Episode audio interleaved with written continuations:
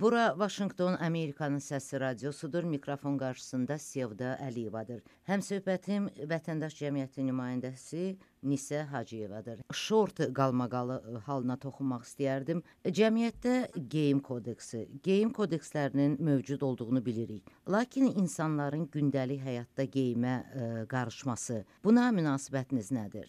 Əslində ə, ə, insanların ə, gündəlik həyatda geyimlərini seçməyə azadlıqları var ə, və bu müxtəlif tip geyimlər ola bilər. Hicab da ola bilər, şortik də ola bilər və yaxud hər hansı bir yerin dress kodu varsa, məsəl üçün müəyyən restoranlar, kafelər ola bilər ki, onlar hətta dəniz kənarında yerləşsələr belə, məsəl üçün ora çimərliyi ilə buraxmırlar.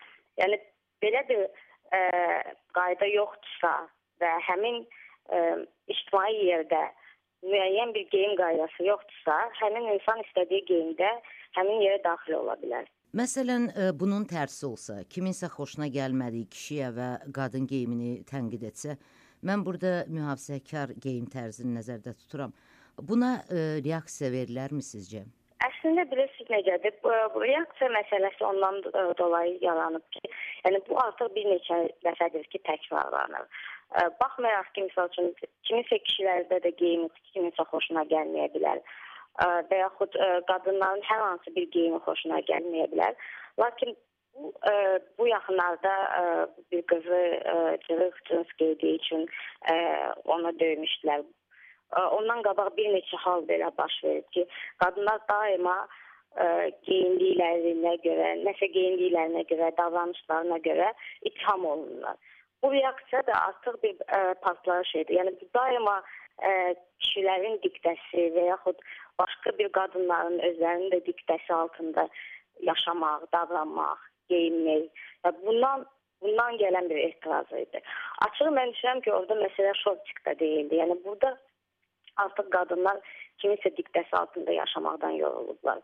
Ə, onlara istər hicab olsun, istər şortik olsun, qısa olsun, şalvar olsun, ətək olsun, yəni fərq nə geyinmələri deyil, onlara nə geyinmələrini seçməkdə e, diktə etməklər, e, kişilərin diktə etməsidir.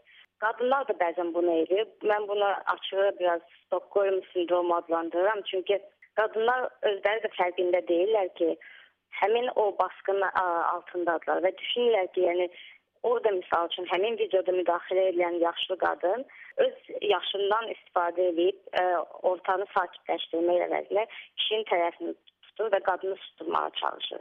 Və biz artıq uzun müddətdir ki, qadınları susturmağa çalışan bir cəmiyyətdə yaşamağa məcburuq və bunun ə, etirazı, bunun ə, nəticəsi idi ki, bu məsələ bu qədər səs saldı. Siz susturmaq dediniz, amma orada susturmaqdan daha çox zorakılığa əl atılırdı. Belə insanlar ümumiyyətlə məsuliyyətə cəlb edilirmi? Əfsuslar ki, olsun ki, et, edilmir. Çünki əgər insanlar sistemə güvənsələr, məsəl üçün məhkəmə hakimiyyətinə güvənsələr, bu məsələlər baş verməz. Ümumiyyətlə Azərbaycanda məhkəmə hakimiyyətinə güvənməməyə bir problemi var. Polisə güvənməməyə problemi var. Əgər kimsə bilsə ki, ə, hər an ə, ən son nöqtədə məhkəmədə o ədaləti bərqərar edəcəksə, o artıq həm öz davranışına ə, idarə edər, həm başqasının ona qarşı olan hər hansı bir haqsızlığına görə müəyyən tədbirlər görür. Lakin bizim cəmiyyətdə insanlar bilir ki, yəni məhkəmə olsun, polis olsun, bu ə, e, burada vəziyyətdə ədaləti tapa bilməyəcəklər. Ə, e, bu bir növ belə dərəbəylik baş verir. Yəni istər ə, e, haqqını pozan insan da ə, artıq kiminsə haqqını pozan insan da bundan rahatdır. Özünü müdafiə edən insan da ə, öz acizliyinin fərqindədir. Yəni onun qadın orada aqressiv reaksiyası da bundan dolayıdır. Yəni başqa bir vəziyyətdə, məhkəmənin işlədiyi bir vəziyyətdə, polisin öz ə, rolunu icra elədiyi bir vəziyyətdə o qadın o da heç bir şey deməyərək sadəcə həmin insanı onun haqqına girdiyi üçün, ə, ona zorakılıq törətdiyi üçün məhkəməyə verə bilərdi. İnsanların ən adi hüquqlarının qorunması demokratiyanın təməlidir. Avropa inteqrasiya iddiasında olan Azərbaycan cəmiyyətində bu kimi hallara yol verilməsi e, ziddiyyət təşkil etmirmi? Ziddiyyət təşkil edir təbii ki, amma ə, e, həqiqətən də burada hər şey siyasi iradədən asılıdır. Yəni həqiqətənmi ə, biz dövlət olaraq Avropa inteqrasiya olmaq istəyirik. Yəni məsələ ə, xalqdan, fərdlərin ə, buna baxış açısı deyil. Dövlət olaraq biz Avropaya inteqrasiya olmaq istəyirsə, ilk öncə məhkəmə sistemi düzəlməlidir. Məhkəmə sistemi düzələndən sonra artıq biz deyə bilərik ki, aha, demokratiyanın qoruyucusu məhkəmədir. Bəs cəmiyyət? Mən ə, e, cəmiyyətin çoxluğunun hər bir halda sistemlə işləyir, iş, işləyəcəyini düşünürəm. Yaxşı və yaxud pis cəmiyyətlər yoxdur. Mədəni və yaxud mədəniyyətsiz cəmiyyətlər yoxdur. Qanunlar, genlər və yaxud hansısa bir başqa bir şeylə keçən fərqliliklər deyil. Sadəcə işləyən mexanizmlər var və işləməyən mexanizmlər var. İşləyən mexanizmlər cəmiyyətin fərqli bütün fərqlilikləri, bütün fərqli düşüncələri, fərqli fikirləri bir yerdə yaşamağa, bir yerdə işləməyə kömək edir. Hər kəsin şəxsi fikri var. Burada mühafizəkar fikirli insanlar ola bilər, dindar fikirli insanlar ola bilər, dindar olmayan fikirli insanlar ola bilər.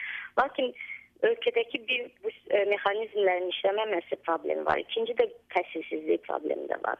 Məsəl üçün insanlar anlaya bilmirlər ki, əslində biz dünyəvi ölkəyiz, müsəlman ölkəsi deyilik. İttihamlara baxanda çox insan biz müsəlmanıq deyir. Halbuki ən adi bir şey deyirəm, yəni konstitusiyanı açıb oxusalar görəcəklər ki, ə, biz əslində müsəlman ölkəsi deyilik.